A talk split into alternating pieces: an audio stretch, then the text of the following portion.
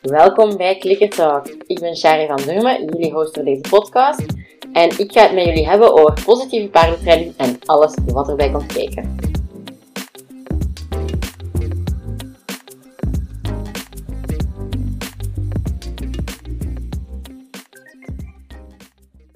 Welkom bij deze aflevering van Clicker Talk.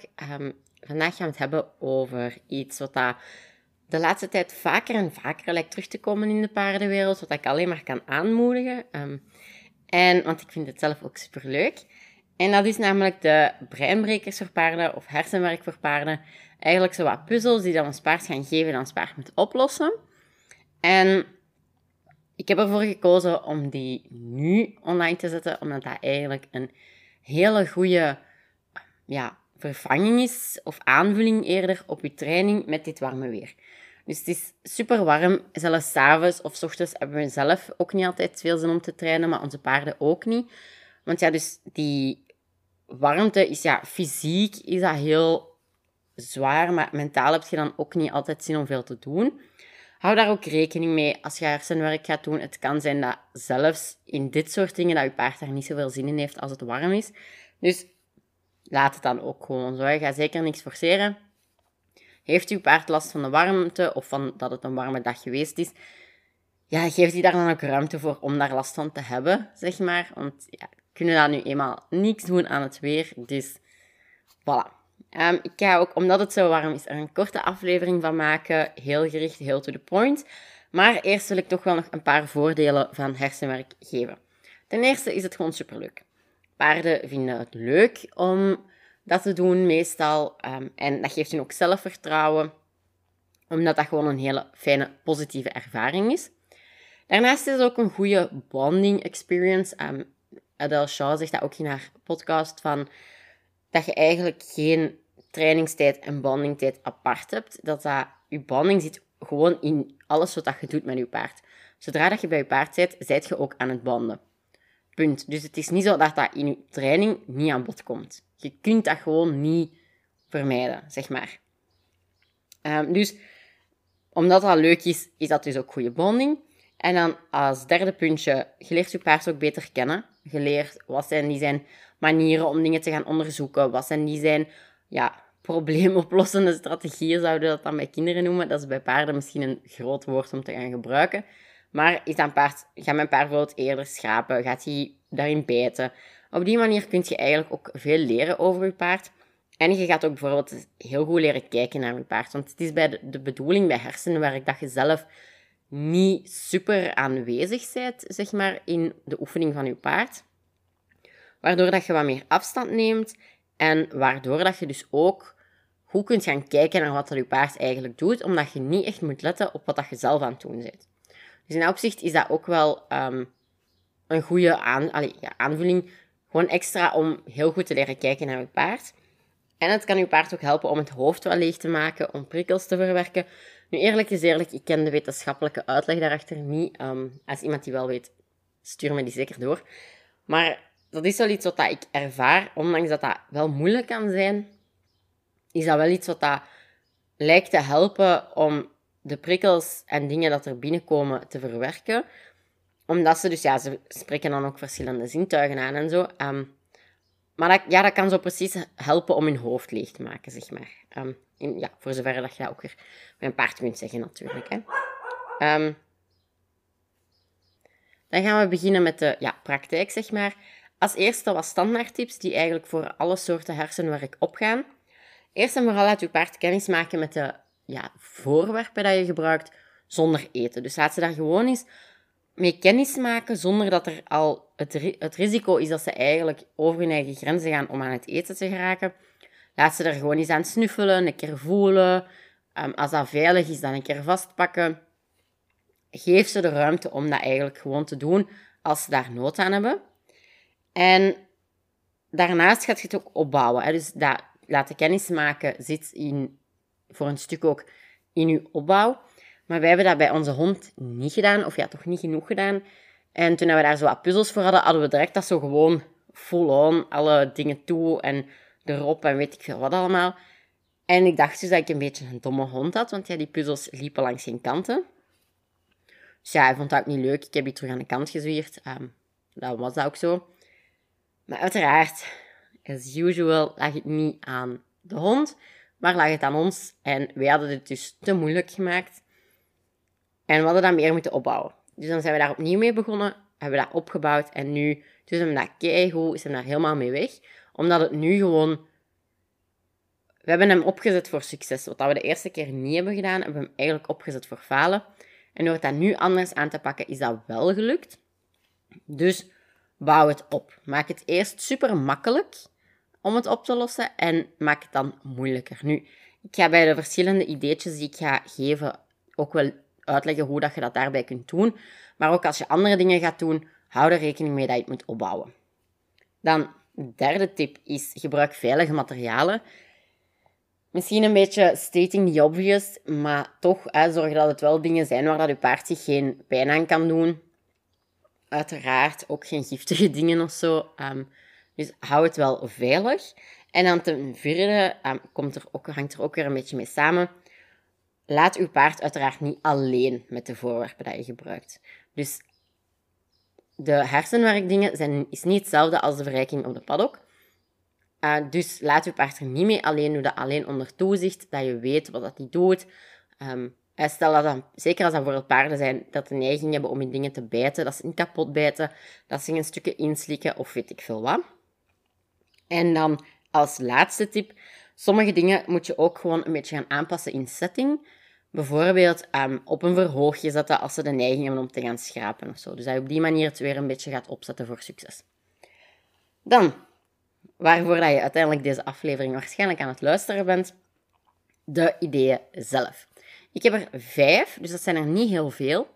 Maar wil je nog meer, dan kan je zelf ook eens je creativiteit aanspreken en eens gaan zoeken. En als je dingen wilt opzoeken, zeker als je kijkt naar hersenwerk voor honden, op Pinterest bijvoorbeeld, vind je heel veel ideeën. En dan kan je daar altijd eens gaan kijken wat dat je eventueel zou kunnen aanpassen voor je eigen paard of je eigen pony, om dan toch bruikbaar te maken. Dus zeker eens gaan kijken, dat is echt wel de moeite. Als eerste is de snuffelmat. Ik ben heel grote fan van de snuffelmat. De paarden ook, ze vinden dat kei tof. En het is eigenlijk zo simpel als dat de naam het zegt, moest je het niet kennen. Het is gewoon een mat met zo allemaal froesjes aan, of hoe moet ik het zeggen? En je paard moet dan gaan snuffelen, gaan zoeken naar eten, dat je tussen die froesjes verstopt. Zo simpel is het. De snuffelmat is bijvoorbeeld wel zo eentje dat je bij sommige paarden best op een verhoogje zet. Dat is bij een van mijn lesklanten ook zo. De paard die heeft heel hard de neiging om te gaan schrapen met dingen. Maar ja, de snuffelmat, als hij die hele tijd wegschraapt, ja, die feeds de point een beetje. Ehm, dus daar zetten we de snuffelmat op een ton bijvoorbeeld, dat dat wat hoger is. En dat hij echt gaat snuffelen en niet gaat schrapen.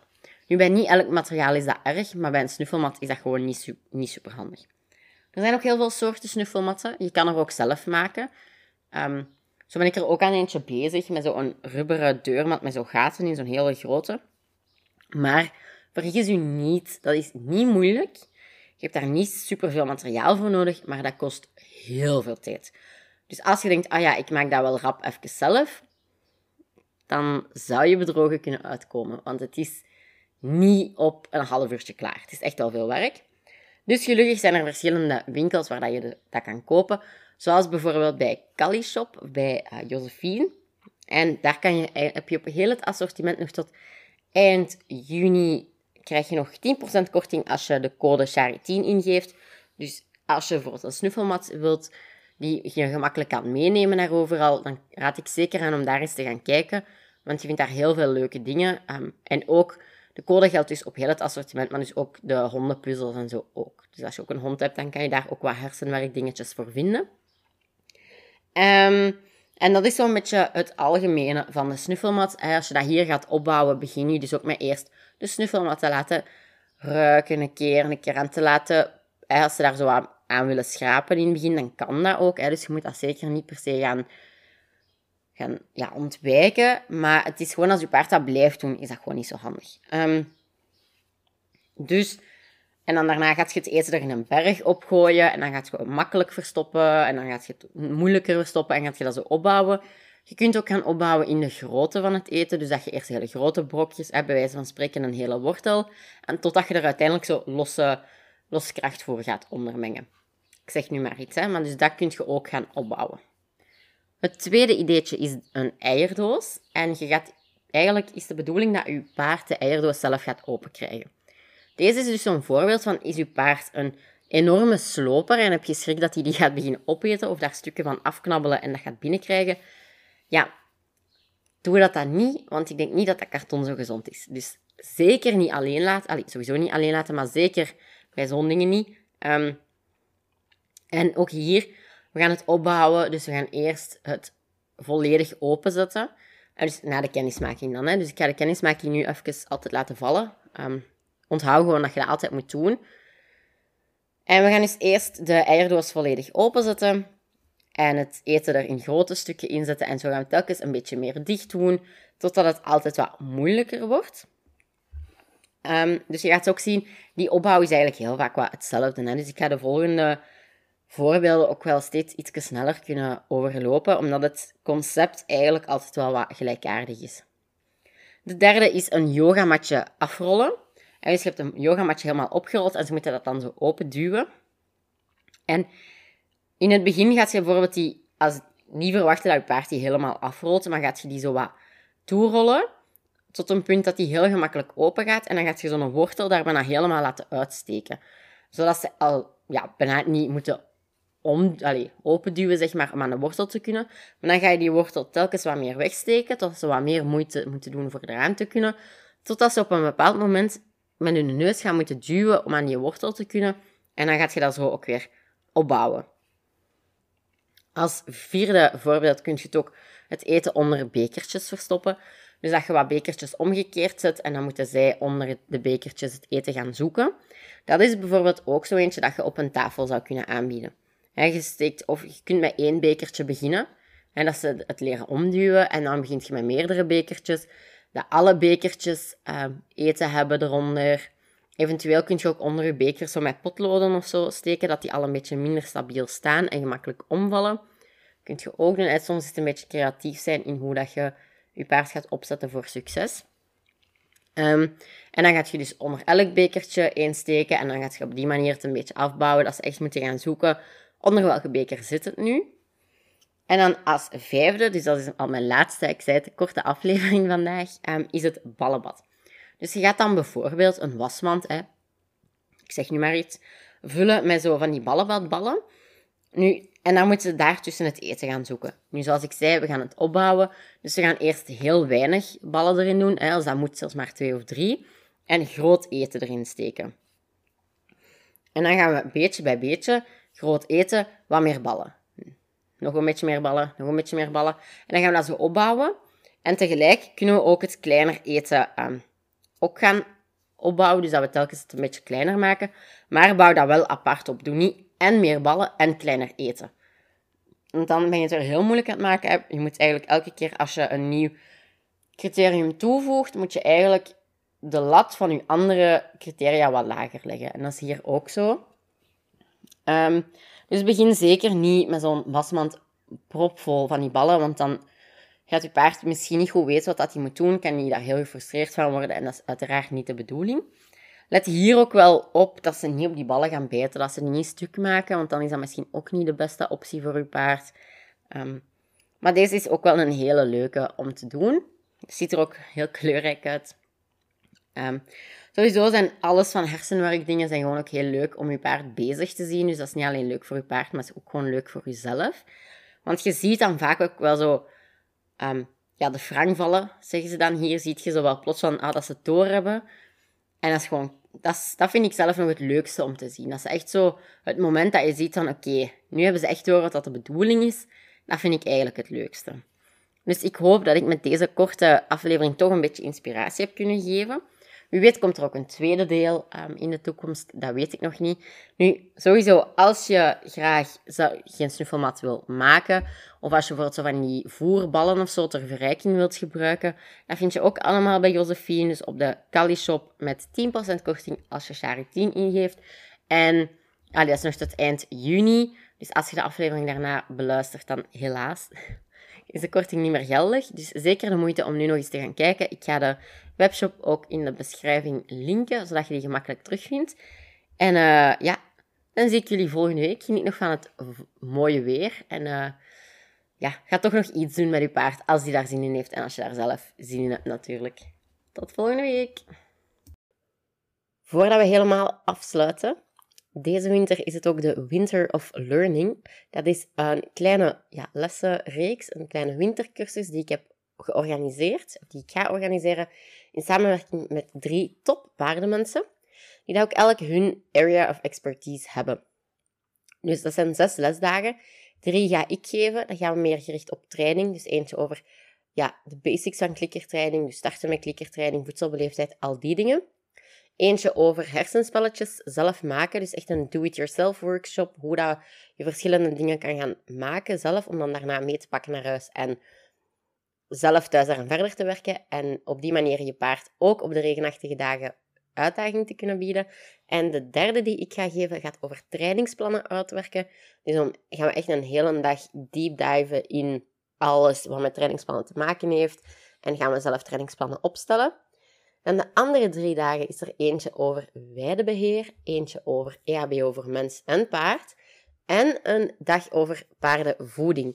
Dus dat we eigenlijk in het globale dingen, dat we eigenlijk gaan kijken naar paardenwelzijn in het breed getrokken. En je kan je inschrijven voor één lesdag of voor allemaal, of twee of drie, maakt niet uit.